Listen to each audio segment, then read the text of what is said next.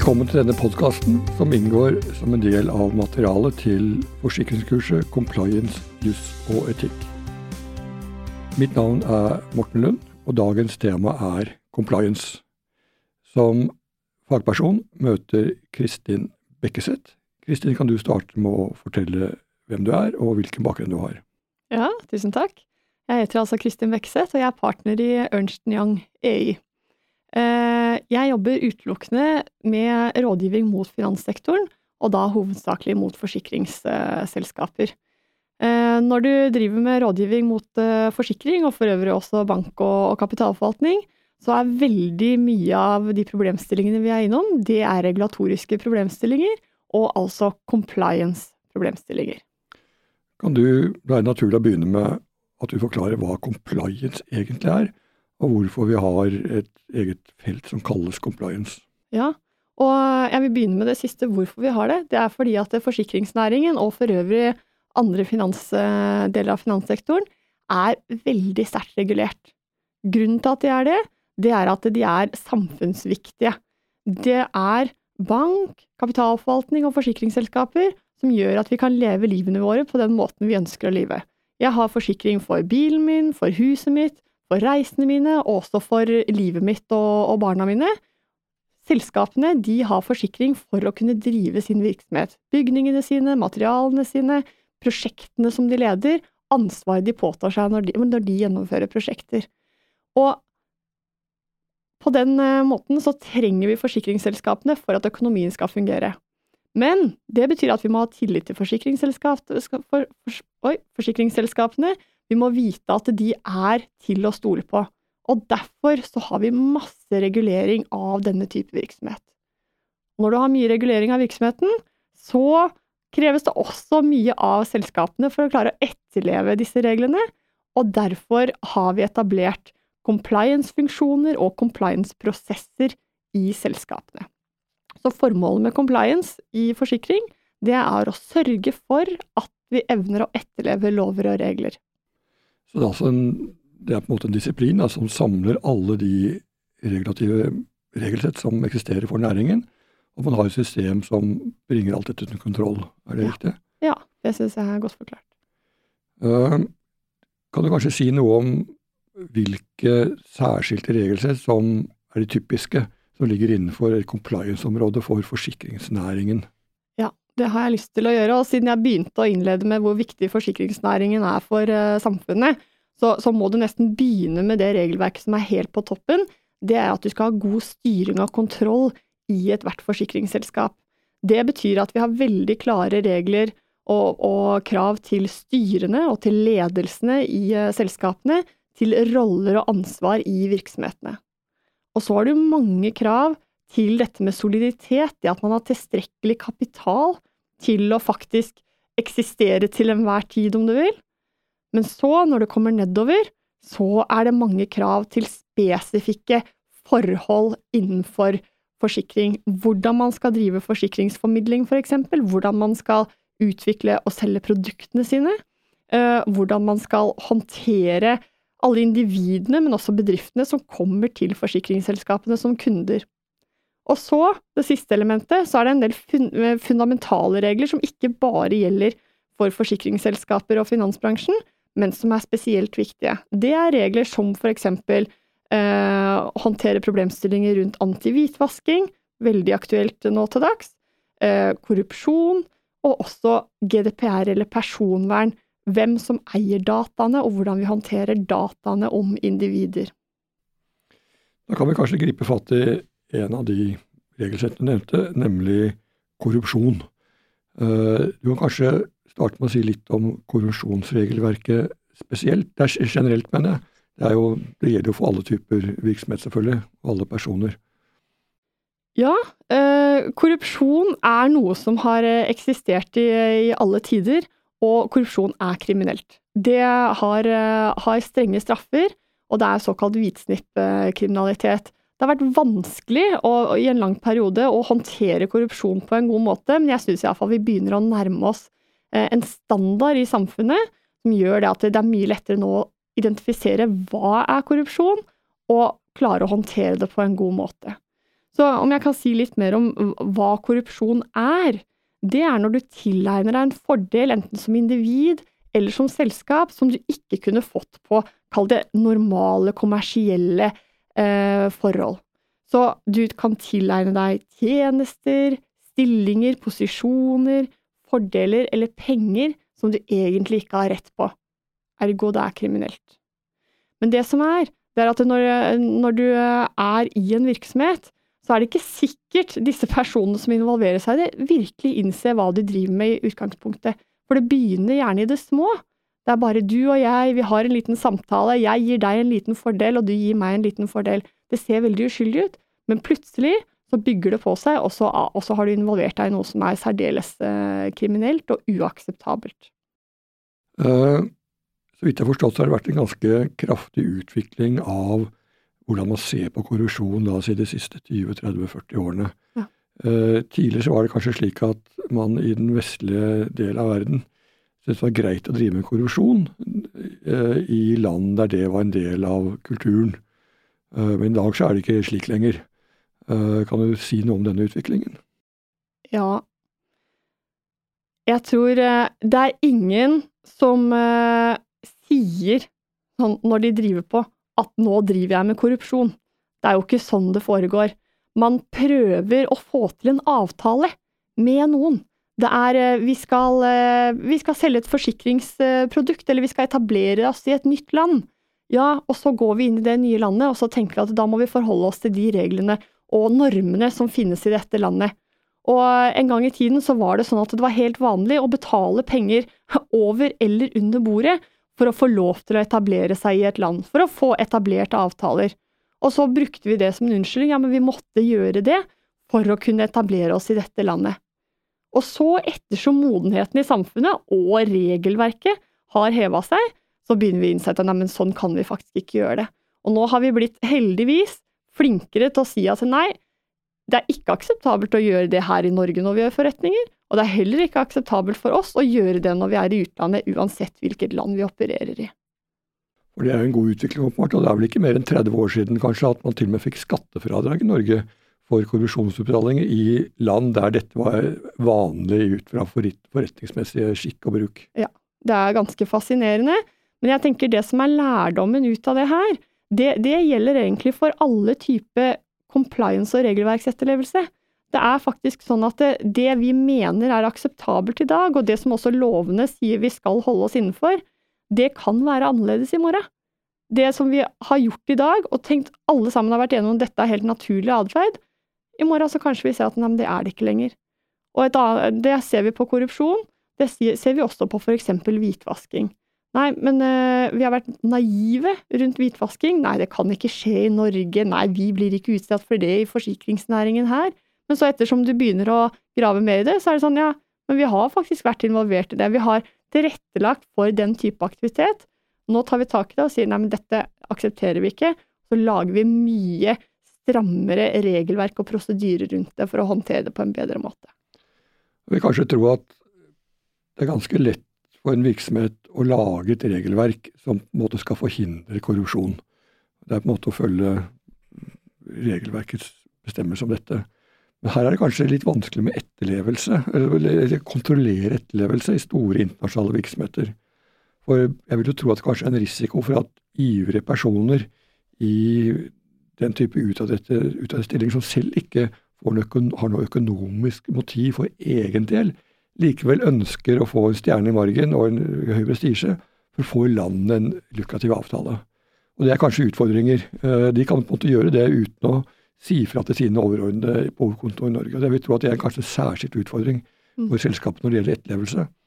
Vet du hva, Det er en eh, generell utfordring med etterlevelse. At uh, du lager mange systemer for å følge og måle og overvåke, men selvfølgelig, det du klarer å måle og overvåke, det er det du får informasjon om.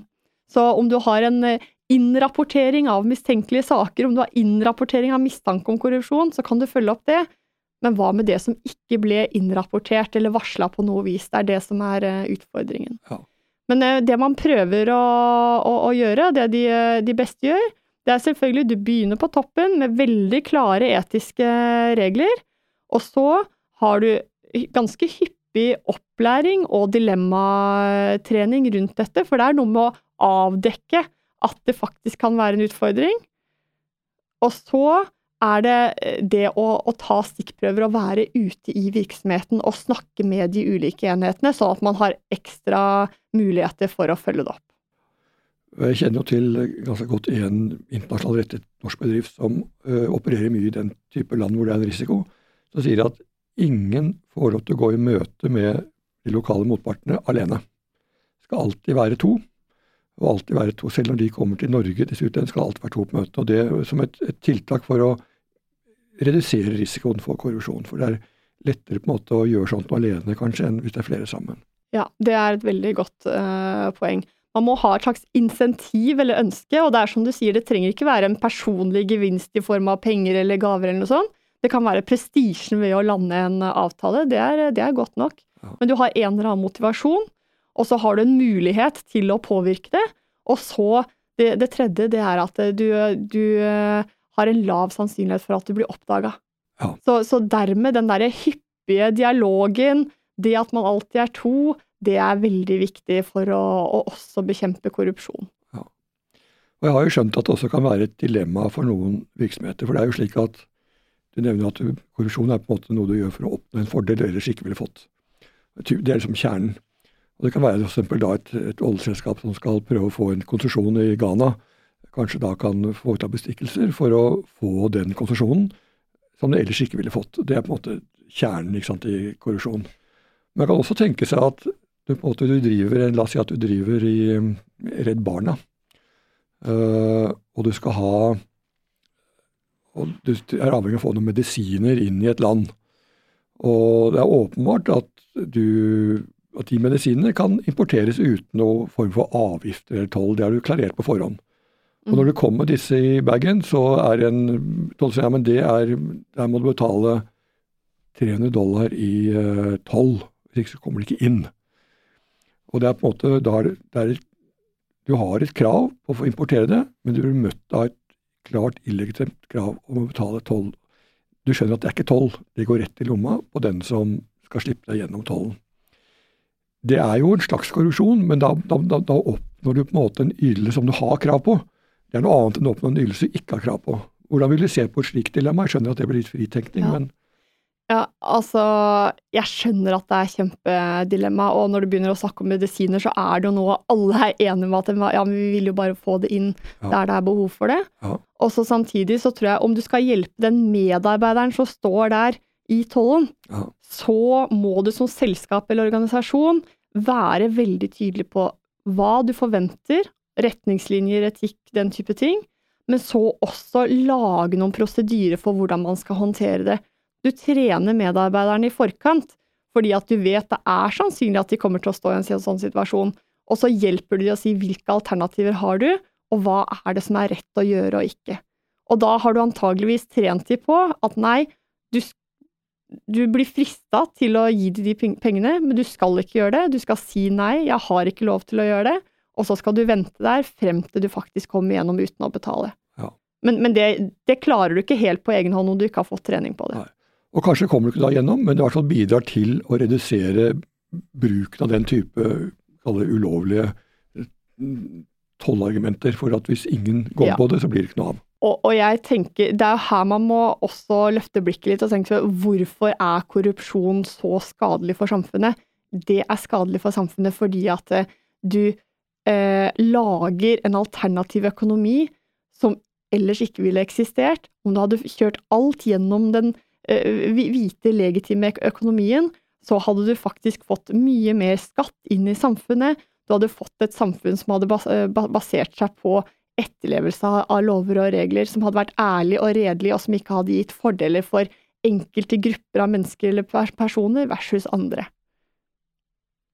Um, du skal ikke snakke om hvitvasking, men det er jo en nær sammenheng mellom hvitvasking og korrupsjon. Kan du si noe om denne sammenheng? Det er jo, blant annet så er vel regulert i langt på vei i samme type lovgivning, er det ikke det? Jo, det, det er det. Um, ja, hva, hva, er sammenheng? Be, begge deler er ulovlig. Det er en del av vår ulovlige økonomi. Og, og sånn sett, argumentet som jeg framførte i stad, det at man støtter opp under denne type aktivitet, enten det er korrupsjon eller hvitvasking, det undergraver det samfunnet vi ønsker å ha. Det undergraver økonomien vår. Så, så det er én viktig ting. Det andre det er at ja, personer som involverer seg i dette, enten, enten korrupsjon eller anti-hvitvasking, de driver med kriminelle handlinger, og konsekvensene er deretter. Eh, det er konsekvenser for individene, men det er også konsekvenser for de, de selskapene disse individene representerer. For nå snakker vi om korrupsjon innenfor forretnings- og næringslivet. Ja. Så det er iallfall eh, fellestrekkene. Eh, grunnen til at hvitvasking har fått ekstra mye oppmerksomhet nå, det er jo litt det samme som jeg fortalte om korrupsjon i stad. Vi har begynt å få opp en bevissthet som er helt annen, noe helt annet enn det vi hadde for noen år siden.